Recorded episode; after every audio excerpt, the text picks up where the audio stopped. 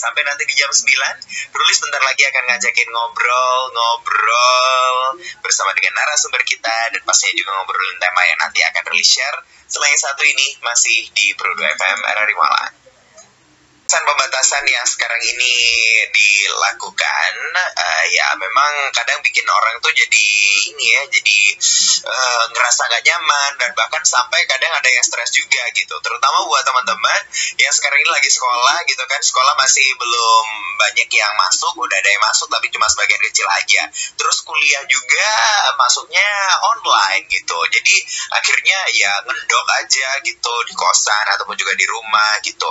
Nah ini kadang jadi tekanan tersendiri bagi sebagian orang. Nah, kalau misalnya sahabat kreatif mengalami tekanan atas ini semuanya dengan hanya kebanyakan di rumah tidak bisa uh, kembali aktif di luar rumah gitu. Wah, ternyata kalian tidak sendirian karena banyak juga yang mengalami hal ini. Nah, untuk membahas terkait hal ini biar nggak jadi stres, biar nggak jadi uring-uringan, biar nggak jadi punya kecenderungan-kecenderungan yang nggak baik gara-gara terlalu sering di rumah dan uh, terbatasi kebebasannya, kita bakalan ngobrol-ngobrol bersama dengan Puri Wulandari yang sudah ada di sini tersambung bersama kita di sambungan telepon. Hai Puri. Hai Kak. Halus banget suaranya. eh Puri apa kabar?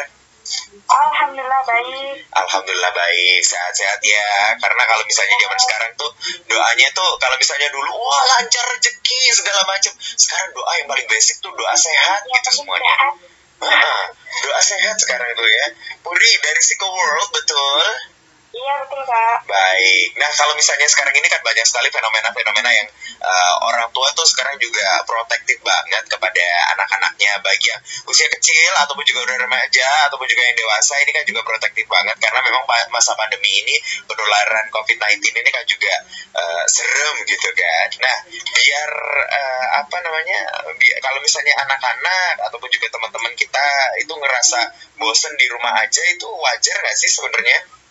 Wajar banget karena ya stres itu tuh emang manusiawi banget enggak kita nggak bisa ngilangin yang namanya stres itu. Oh stres itu manusiawi hewan nggak bisa stres ya? Ya nggak tahu juga manusia ini kan psikologi manusia bukan psikologi binatang ya. Terus terus terus terus. Iya kita pahami dulu stres itu apa sih. Uh, stres itu tuh perasaan perasaan terganggu terancam itu yang timbul karena adanya gangguan dari lingkungan sekitar kita okay. yang biasa tuh disebut namanya stressor gitu. Okay. Nah, stressor itu tuh bisa datang di mana aja karena sifatnya itu netral dan subjektif. Jadi setiap orang itu uh, stresornya itu beda-beda. Yang menimbulkan stres di setiap orang itu beda-beda. Oh. Jadi ada di sebagian orang yang takut sama ular, tapi di sebagian lagi orang lain tuh suka banget sama ular Benar. gitu nah makanya uh, stres itu sebenarnya subjektif dan ya tergantung kitanya aja gitu loh. Mm-hmm. Makanya di kasus ini kalau misalnya uh, terkait dengan pembatasan-pembatasan kayak gini gitu kan, ada yang enjoy-enjoy aja, ada yang biasa aja, ada yang malah happy, tapi ada juga yang merasa tertekan kayak gitu. Jadi oh. memang uh, karena sifatnya itu memang ke setiap orang itu jatuhnya jadi berbeda-beda gitu ya. Apa sih sebenarnya? Uh, apa sih sebenarnya yang bisa membuat orang itu jadi uh, apa namanya ada stressor itu tadi? Orang itu bisa menanggapi dengan biasa aja terus juga menanggapi dengan santai-santai aja atau bahkan sampai ada yang sampai udah gitu gitu. Itu uh, apa sih yang menyebabkan itu? Nah ini maksudnya ke manajemen stres. Hmm. nah kan uh, tadi kita uh, di awal kita ngadepin pandemi itu hmm. semua orang stres. Semua orang pasti kaget gitu kan dengan gaya hidup yang baru harus pakai masker harus ini. Itu semuanya stres. Cuma tergantung uh, gimana sih orang itu memanajemen stres itu uh, mau menjadikan uh, stres ini tuh menjadikan dia yang ya menjadi lebih baik atau tambah down gitu. Itu tuh tergantung pilihan orang masing-masing. Itu manaj manajemen dirinya manajemen stresnya masing-masing oh itu yang mengelola berarti diri kita sendiri ya? Iya nah, makanya uh, kenapa kita harus me manajemen stres itu dengan baik gitu? Karena dampaknya itu ya ke ke diri kita sendiri minus negatif negatif positifnya tuh ke diri kita kembalinya ke diri kita sendiri. Sebelum kita ke caranya untuk memanage itu semua, impact terburuknya kalau misalnya kita tidak bisa memanage stres kita itu bisa sampai apa sih? Ya namanya gini, biasanya kan kita dapat uang saku tuh. Dari dari biasanya kita uh, kalau kuliah dapat uang saku dari dari bisnisnya dari orang tua kayak gitu. Terus yang jualan juga banyak yang down banget, maksudnya penurun uh, penjualan turun apa apa segala macam. Itu kan bikin stres. Nah orang yang bisa memanajemen stres dengan baik dia akan bangkit, dia akan oh kalau aku dagang dengan cara ini, kalau aku dapat uang dengan cara ini, sekarang aku nggak dapat, aku cari cara lain yang bisa menghasilkan uang. Maksudnya inovatif dari dari stres yang datang tuh dia punya ide-ide kreatif untuk me- mendapatkan uang lagi. Dia kerja apa, mungkin jualannya dijual online, apa-apa segala macam. Nah, tapi di sebagian orang yang nggak bisa, dia bakalan terpuruk, dia bakalan um, dia Menyalahkan keadaan. ya um, Menyalahkan diri sendiri. segala macam kayak gitu nah akhirnya mungkin ada yang akhirnya mencuri apa-apa itu kan berarti manajemen stresnya tuh nggak baik dia pengen dapat dapatkan sesuatu tapi dengan cara yang negatif Hmm, itu sisi negatifnya seperti itu ya. Dan kan kalau misalnya yang stres ini sendiri bisa nggak sih mempengaruhi ke kesehatan fisik kayak gitu? bisa biasanya orang stres tuh pasti pusing maksudnya capek gitu rasanya. Kayak nggak ada semangat gitu kan.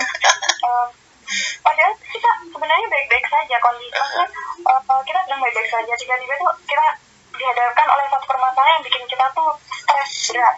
Akhirnya kita tiba-tiba tuh kayak orang sakit kayak orang nggak ada semangat lemes atau ya pokoknya tuh dalam kondisi yang tadinya baik-baik saja ketika kena stresor yang bikin kita down akhirnya ya udah kesehatan fisik kita juga menurun. Hmm, itu pengaruhnya seperti itu karena impactnya impactnya yang akhirnya jadi buruk ke badan atau uh, ataukah itu memang bentuk respon dari badan kita untuk menghadapi si stres ini sendiri? respon sih respon dari badan.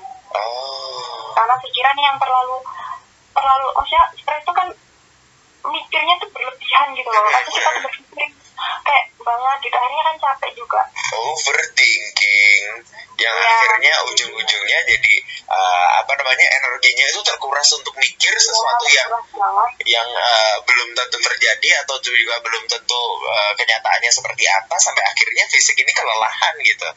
iya Ah, gitu ya. Tiba-tiba kalau misalnya ada tagihan segala macam tiba-tiba mendadak pusing ya itu. Itu ternyata bentuk respon tubuh kita menghadapi stresor itu tadi gitu ya. Iya Oh, oke oke oke oke oke. Nah terus kalau misalnya gini nih eh, apa namanya kalau misalnya eh, kita harus eh, harus membatasi diri untuk keluar rumah kayak gitu. Selain karena memang eh, apa namanya zaman sekarang gitu kafe jam 8 juga udah tutup. Terus juga kalau misalnya eh, apa namanya orang tua juga dulu ngasih ngasih uang saku segini gitu sekarang jadi berkurang gitu. Nah anak-anak ini kan akhirnya di rumah aja belajar di rumah segala macam di rumah gitu kan. Akhirnya juga ada ada tekanan tersendiri kayak gitu. Nah ini untuk untuk untuk untuk manage ini semuanya kayak gimana sih? Jadi eh, respon tubuh manusia itu normalnya menghadapi eh, ketika menghadapi stres itu responnya tuh ada tiga. Oke. Yang pertama menghadapi eh, ap- terus ada yang lari dari masalah Mhm. atau membeku atau diam. Ah. tidak berkutik. Kan ada tuh ketika dihadapkan suatu masalah dia tetap dia bisa menghadapi itu. Ah. dia gimana ya ininya em, dia mampu untuk Mhm. menghadapi suatu permasalahan itu. Ada juga sebagian orang yang lari dari masalah itu. Mhm. dan ada juga yang kayak dia nggak bisa ngapa-ngapain. Hmm. jadi dia ya, dia dia didiemin aja gitu ya diem aja gitu. Kita ketika mau menghadapi nggak bisa lari dari masalah juga nggak bisa gitu. Jadi stresnya tuh diam beku gitu. Nge-freeze gitu iya nge-freeze lah nge-lag ini kenapa nih orang? Itu kan karena memang responnya bentuknya seperti itu. Iya maksudnya normalnya ma- eh, maksudnya manusia tuh responnya terhadap stres tuh biasanya ada tiga itu. Hmm. jadi ya tergantung tergantung tadi bagaimana sih kita bisa memanage memanajemen stres kita dengan baik. Um, lingkungan itu juga penting. Karena ya kita pasti kan butuh dukungan dari bukan cuma dari diri kita sendiri tapi dari orang lain juga uh, uh, jadi tergantung caranya ya bagaimana kita yeah. menyikapi itu biar nggak stres-stres amat dan akhirnya kita juga harus uh, mikir bagaimana caranya untuk menyiasati itu biar nggak sampai bikin itu semuanya jadi stresor yang akhirnya menghambat kreativitas dan segala macam yang harusnya kita produktif oh. jadi nggak bisa ngapa-ngapain gitu ya. Iya. Ah, gitu nih sahabat kreatif. Nah, nanti buat sahabat kreatif yang pengen tanya-tanya juga ke Puri terkait bagaimana sih untuk memanage stres ini sendiri, boleh dong sahabat kreatif WhatsApp ke nomor 081 555 buat sahabat kreatif yang pengen uh, bertanya-tanya atau juga sharing bersama dengan Puri dari Psycho World ini sendiri. Nah, nanti uh, di segmen selanjutnya kita akan membahas bagaimana sih step-stepnya untuk kita bisa memanage stres ini sendiri, mengubah dari stres itu yang merugikan biar bisa jadi lebih ini ya biar jadi lebih tertata dan pastinya juga biar kita bisa tetap produktif di masa pandemi ini. Setelah yang satu ini ya Buri ya, kita masih balik lagi di Produk Sharing Time, jadi jangan ke mana-mana bersama dengan Puri Wulandari dari Psycho World. Kita membahas bagaimana memanage stres di ini ya di masa pandemi ini biar kita semuanya nggak sampai bosan di rumah gitu. Nah untuk manage stres ini Puri ya kan pastinya juga perlu ada cara dan juga trik pastinya gitu. Dan orang itu uh, kadang uh, apa mengerti diri sendiri aja susah, apalagi memanage diri sendiri bahkan juga manage stres gitu kayak gitu kan agak-agak susah gitu. Ini memulainya dari mana nih agar kita bisa mengelola stres ini? Uh, mungkin mengubah cara pandang terhadap stres. Oke. Okay. Uh-huh. Kan banyak banget sekarang yang ber, uh, maksudnya banyak banget yang memiliki pikiran bahwa stres itu udah dengan kata stres aja udah ada udah kayak padahal tuh stres gini loh stres itu bisa diselesaikan maksudnya semua setiap masalah itu bisa diselesaikan gitu loh coba deh mulai mulai apa ya mulai mencoba gitu untuk mencari titik permasalahan. Mencari titik permasalahan dari stres itu timbulnya stres itu. Itu yang pertama. Dan uh, uh, kan begini kita lagi contohnya kalau kita lagi motong buah tiba-tiba uh, pisangnya tuh kena kena tangan kita. Masa iya kita mau nyalahin buah iya nggak mungkin juga ya nyalahin buah ya. Terus iya, terus apa kita nyalahin pisau? Padahal yang nggak bisa mengontrol pisau itu diri kita sendiri.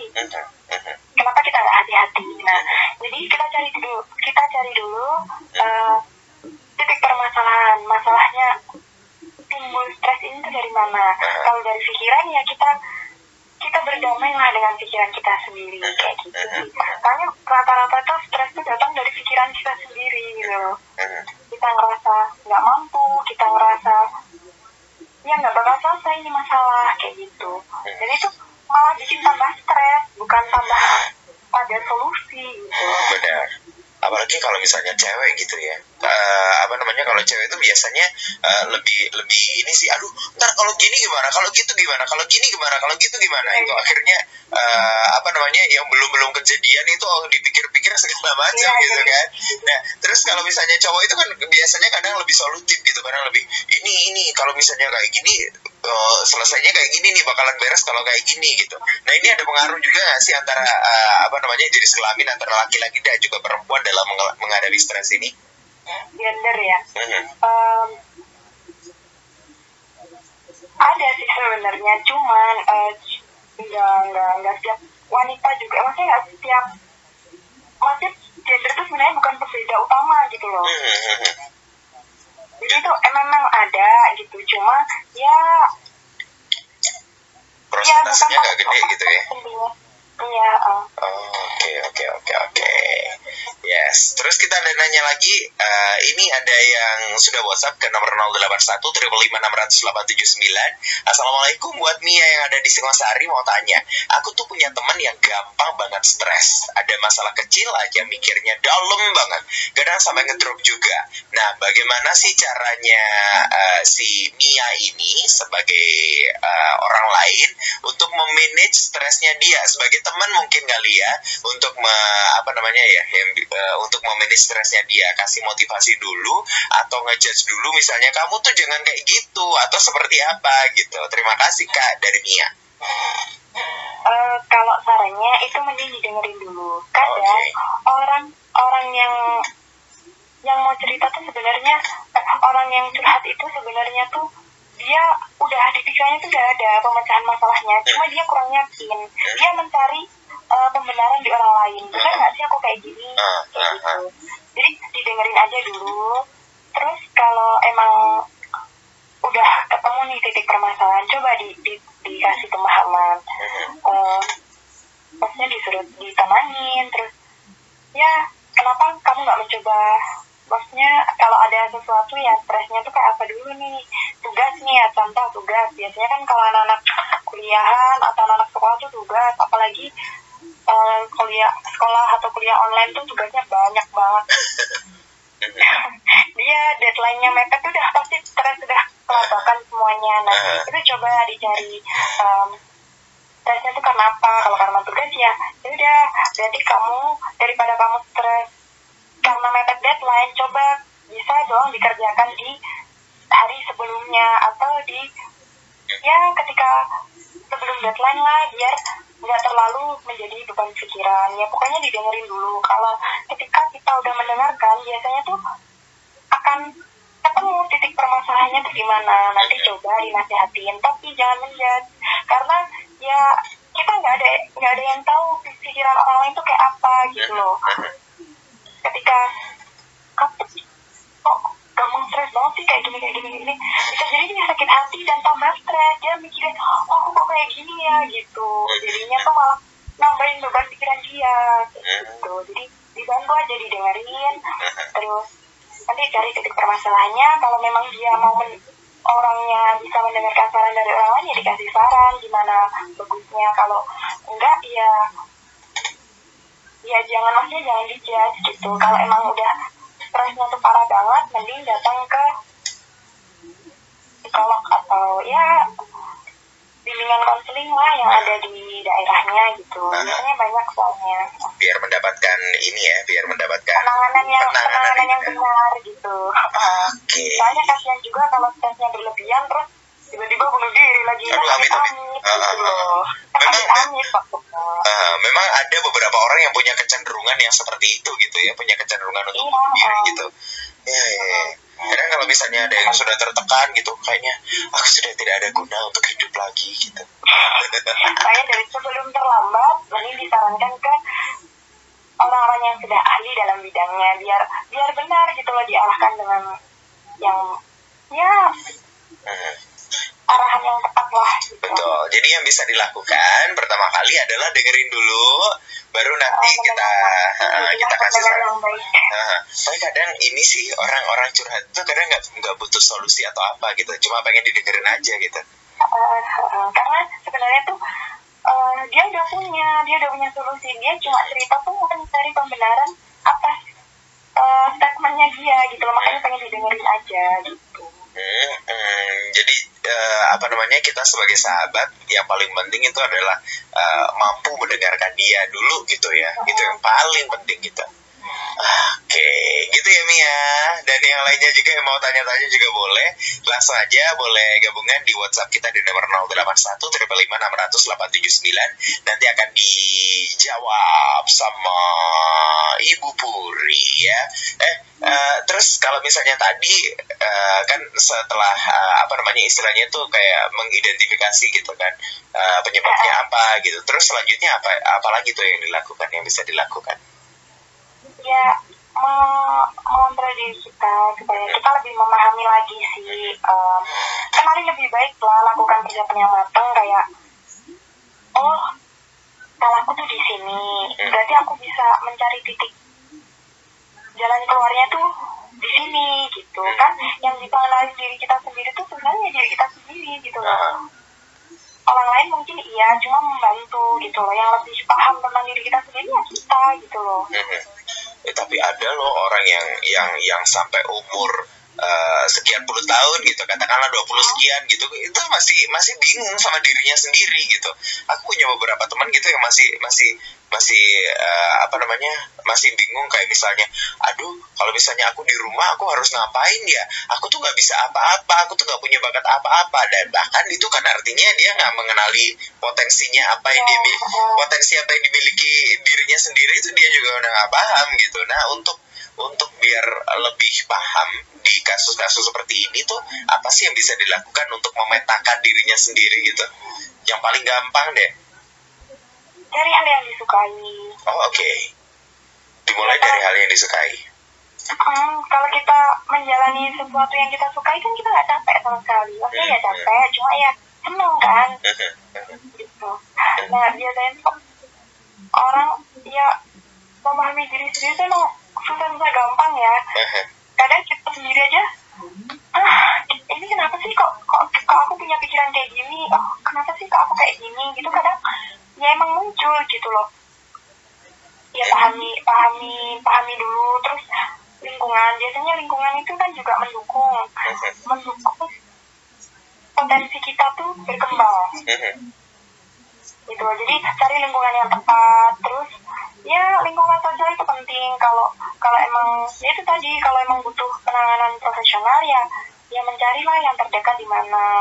Biasanya kalau orang-orang ekstrovert itu biasanya teman-teman temannya yang satu maksudnya lingkungan circle-nya cocok aja udah udah bisa udah bisa terbuka udah bisa menunjukkan dirinya itu seperti apa tapi sebagian orang lagi kan lebih suka dengan keadaan yang tenang, yang sendiri kayak gitu. Nah untuk orang-orang yang kayak gitu mending uh, mencari ke satu orang atau beberapa orang yang dia percaya. Kan dia bisa tanya kira-kira passionku tuh di apa ya? Maksudnya orang lain yang dekat itu biasanya tuh lihat gitu loh. Kita tuh mampunya tuh di apa kayak gitu. Itu mungkin bisa membuka membuka apa ya pikiran dia oh iya ya aku bisa ya di di job yang ini. Oh iya aku bisa ya um, di hal yang ini orang lain aja percaya kalau kita bisa kenapa kita enggak gitu loh. Percaya dulu lah sama diri kita sendiri. Kalau kita nggak percaya sama diri kita sendiri ya gimana orang lain mau percaya gitu loh. Karena memang yang bisa kadang bisa melihat apa yang ada di diri kita itu ya orang lain gitu ya. Iya uh, cuma ya kita harus koreksi dong oh iya aku bisa ya kayak gini. Kenapa aku nggak kepikiran ya dari dulu? Nah hmm. yang buka pikiran kita tuh ya orang lain. Hmm aku bisa aku pasti bisa. Ya kayak gitu. Yang lainnya juga mau tanya-tanya juga boleh ya. Masih ada kesempatan untuk tanya-tanya di 081 679 WhatsApp aja di sana nanti akan dijawab langsung oleh Puri. Tapi setelah yang satu ini ya kita jeda dulu. Masih ada beberapa pesan yang akan disampaikan dulu. Puri ditahan nanti kita sambung lagi di Bro Sharing Time di sambungan telepon dan kita masih membahas tentang manajemen stres agar tidak bosan di rumah gitu. Nah, uh, kalau misalnya tadi sudah ada step-stepnya, kalau misalnya kita harus me, apa namanya me, mengetahui apa sih kelebihan kita dan akhirnya memaksimalkan kelebihan kita biar itu semuanya bisa berjalan dan kita bisa tetap produktif kayak gitu. Nah, kira-kira motivasi apa sih sebenarnya yang yang bisa digunakan biar kita itu bisa tetap produktif dan gak uring-uringan dan gak stres juga gitu motivasi apa sih sebenarnya yang bisa di ini yang dijadi yang bisa dijadikan sebagai uh, apa ya sebagai pemicu gitu biar kita jadi tetap semangat dan tetap uh, ini produktif di masa-masa pandemi ini uh, mungkin manusia itu istimewa ini itu istimewa uh, kamu unik uh mhm. -huh. janganlah kayak apa ya ngapain sih? Stres berlebihan gitu loh. Malah ngerugiin diri kamu sendiri. Kamu tuh bisa jadi luar biasa ya karena diri kamu tuh hebat diri kamu tuh kuat. Percaya sama diri sendiri kalau diri itu mampu gitu. Jadi kayak semacam bikin afirmasi gitu ya? Iya uh, karena kalau bukan kita sendiri yang nyemangatin siapa sih kita mau berharap sama orang lain gitu? Kan kalau kita orang lain bisa ngertiin jadi memang semuanya harus dibalikin ke diri kita sendiri biar biar apa namanya biar kita jadi tetap bisa jadi sesuatu yang positif dan bisa menghasilkan sesuatu yang positif juga gitu ya Oke oke oke oke. Jadi buat sahabat kreatif, uh, apa namanya sifat optimis itu memang penting banget sih sebenarnya. Karena apa? Pandemi ini yang ngerasain bukan cuma kamu dan juga keluargamu, tapi juga seluruh dunia gitu ngerasain ya. Dan kalau misalnya, ha, kalau misalnya dilihat di seluruh dunia itu masih ada banyak sekali orang-orang yang optimis, kenapa enggak? Kamu juga harus optimis juga gitu kan? Karena memang ya uh, apa namanya semuanya ini dibatasi, semuanya merasa terbatasi, semuanya juga stres, pemasukan berkurang dan segala macam. Tapi ya gimana caranya biar kita tetap bisa optimis dan te terus tetap bisa produktif itu yang paling penting sih sebenarnya ya. Aduh, jadi jangan gampang merasa ngenes gitu. Karena pasti ada peluang di di antara tekanan-tekanan yang luar biasa pasti ada peluang. Mm-hmm. Tapi sisi positifnya, ini buat sahabat kreatif ya, kalau misalnya Ruli boleh sharing, dulu uh, awal-awal pandemi itu, aduh, gak bisa ngerjain ini nih gara-gara nggak boleh keluar rumah nggak nggak boleh keluar kota harus uh, ini. Kalau misalnya ngerjain ini di luar rumah ada batasannya nggak boleh keluar juga bahkan dulu di awal-awal gitu. Tapi ternyata dari itu juga kalau misalnya kita mau lebih menggali potensi yang kita miliki ternyata wah ternyata aku ternyata bisa ini juga ya bisa uh, ngedesain poster atau ngedesain apa gitu. Itu kan salah satu hal yang nggak kita duga gitu kan sebelumnya gitu. Nah ini memang harus harus harus dimiliki oleh teman-teman juga ya biar biar biar apa namanya biar mencari-cari potensi yang apa yang kita miliki yang bisa dijadikan sebagai sebuah uh, nilai lebih gitu ya. Hmm, gitu itu penting banget sih sebenarnya daripada cuma berdiam diri merenung aduh oh nggak bisa gini nggak bisa gitu. Daripada merenungi. Gitu mencoba bangkit itu lebih baik. Mencoba bangkit itu lebih baik gitu. Nah kalau misalnya sebagai temen itu tadi kalau misalnya apa namanya ada temannya yang gampang down terus juga gampang stres itu tadi bisa mendengarkan apa yang di uh, apa namanya yang diceritakan oleh temannya. Nah, terus kalau misalnya sebagai kakak atau sebagai orang tua, ini apa nih yang harus kita lakukan? Nah, biasanya tekanan di rumah itu lebih berat daripada tekan, maksudnya daripada di luar gitu loh. Kalau di rumahnya itu uh, tidak ada suasana yang menyenangkan, tidak ada suasana yang tenang, apalagi rasa percaya ke orang yang ada di rumah karena ini banyak banget kayak yang sama orang tuanya tuh nggak bisa kayak nggak bisa curhat atau nggak biasa ngomong kayak gitu. Ya karena pandemi ini kita dikasih kesempatan gitu di rumah aja bareng orang-orang itu ya kita mulailah terbuka dengan dengan orang-orang yang ada di rumah kita mulai ya mulai dekat yang dulunya sibuk dengan pekerjaan masing-masing di luar ya sekarang kita dikasih kesempatan buat ngumpul bareng ya dimanfaatin kayak ya mencobalah melakukan hal-hal bareng yang ya bisa men um, menjadikan kita lebih dekat. Nah kalau udah maksudnya stres kayak gitu ya kita ya tetap harus peka sih ya kan kadang hmm. anak yang stres itu kakaknya atau orang tuanya tuh nggak tahu gitu malah kadang yang tahu tuh orang eh, maksudnya orang lain kayak temannya atau ya pokoknya tuh bukan orang yang ada di rumah gitu karena anak nggak nggak percaya gitu loh. Kalau mau cerita di rumah dia tuh nggak nggak dikasih tempat nggak dikasih ruang. Kadang kalau anak curhat itu biasanya kan malah dimarahin ya kalau dia maksudnya kalau dia ngelakuin salah terus dia cerita itu biasanya dapat marah dapat pokoknya tuh responnya kurang baik lah. Makanya anak tuh uh, kalau stres atau apa tuh jarang banget yang namanya ngelibatin orang yang ada di rumah gitu tapi ketika suasana menyenangkan itu dapat didapatkan di rumah ya bisa jadi anak kita tuh nggak disuruh cerita aja cerita gitu loh. Hal-hal yang dari yang nggak penting banget sampai yang penting ya terbuka sama orang tua sama kakaknya gitu. Ya minimal sama kakaknya lah sama saudaranya lah karena kan uh, pemikiran orang tua dan anak-anak tuh pasti ada perbedaan kan ya. Ada kalau gapnya gitu ya. uh, kalau kakak sama adik kan biasanya tuh nggak terlalu jauh gitu jadi bisa cerita bisa curhat kayak gitu. Mungkin ya kayak gitulah. Jadi ini bisa jadi kesempatan juga untuk memperbaiki komunikasi dengan uh, orang rumah gitu ya? Iya uh, dikasih tempat berbulan-bulan di rumah ya dimanfaatin lah betul kalau biasanya sama orang rumah itu ketemunya cuma pas sarapan atau kalau enggak gitu mau tidur. Iya bener bener. Makan malam aja kadang nggak ketemu gitu ya. Nah, pas mau tidur gitu yes cuci kaki cuma ngomong sebentar terus langsung tidur. Besokannya pagi udah cuma sarapan langsung pergi lagi kayak gitu. nah ini jadi kesempatan untuk semakin memperbaiki komunikasi terus juga termasuk bonding juga ya dengan keluarga yang ada di rumah gitu ya Oke, itu sisi positifnya nih sahabat kreatif ya.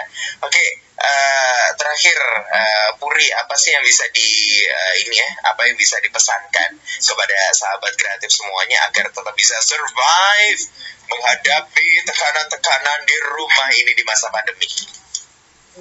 Ya belajar memanajemen stres dengan maksudnya dari stres yang mulai stres ringan itu belajar lah. Uh -huh. uh, kita tuh punya pilihan gitu loh. Kita mau mau terpuruk karena satu permasalahan itu atau kita mau bangkit karena ada masalah itu gitu. Loh kayak anak panah gitu ada permasalahan kita tarik mundur dilepaskan dilesatkan atau ya udah diam aja kita nggak ada pergerakan kita kita tambah down. Ya udah gitu loh. Batu bata aja batu bata genteng aja itu. Mau ditaruh di atas saja harus di dibakar dulu, diinjek dulu, membentuk karakter gitu loh. Masalah itu ada untuk membentuk karakter kita. Gitu. Kalau udah jadi kan taruh di atas tuh genteng buat melindungi manusia. Pasti ada ada ada makna di balik setiap masalah itu pasti ada makna. Ya stres itu wajar kok manusiawi banget. Ya, karena hewan stres. Ya, stres ada ada kucing. kayak apa nggak tahu. Karena kalau kucing stres ya karena gitu-gitu aja gitu kan. Tapi kalau misalnya manusia stres itu masih bisa di di manage gitu kan. Ya bener banget tuh ya. Kalau tadi yang dijadikan sebagai contoh itu adalah genteng gitu kan. Awalnya tanah liat yang diinjek-injek dibanting-banting dibakar terus apa. Tapi akhirnya posisinya sekarang uh, di atas dan apa namanya istilahnya mulia gitu kan ya dimuliakan ya. karena memang posisinya ada di yang paling atas gitu. Termasuk juga nih sahabat kreatif ya kalau misalnya buat buat Ruli sendiri kita mikirnya kayak gini. Kalau misalnya biasanya kita nonton nonton film zombie kayak ataupun juga film apa gitu kita anggap aja ini uh, apa namanya masa pandemi ini ya memang lagi ada virus yang sedang menyerang dunia dan nanti kalau misalnya kita bisa melewati ini semuanya kita jadi survival gitu kan. Jadi keren gitu kan kayak di film-film itu. Ya kan gitu jangan terlalu stres ya kayak gimana nih sahabat kreatif? Karena ya memang uh, apa namanya COVID-19 ini mematikan tetapi tidak menjadikan kita menjadi zombie ya. Karena kita juga tahu apa yang harus kita lakukan dan yang paling penting adalah ya walaupun di rumah aja tapi tetap bisa tetap produktif dan pastinya juga bisa memperbaiki komunikasi dengan keluarga. Itu sisi positifnya ya. Oke okay. Puri terima kasih ya udah sharing-sharing malam hari ini di Produk Sharing Time Ya, sama-sama Kak. Oke, tetap semangat untuk belajarnya. Kuliahnya daring ya? Iya daring. tetap semangat aja ya ngadepin laptop ataupun juga ngadepin handphone itu. Semoga uh, apa namanya ini pandemi selesai nggak jadi minus tambahnya nanti matanya ya. Oke terima kasih sekali lagi Puri dan masih juga salam untuk teman-teman di Single World sehat selalu ya. Iya. Ya, dan masih juga sahabat kreatif Ruli masih juga bakalan temani sahabat kreatif karena memang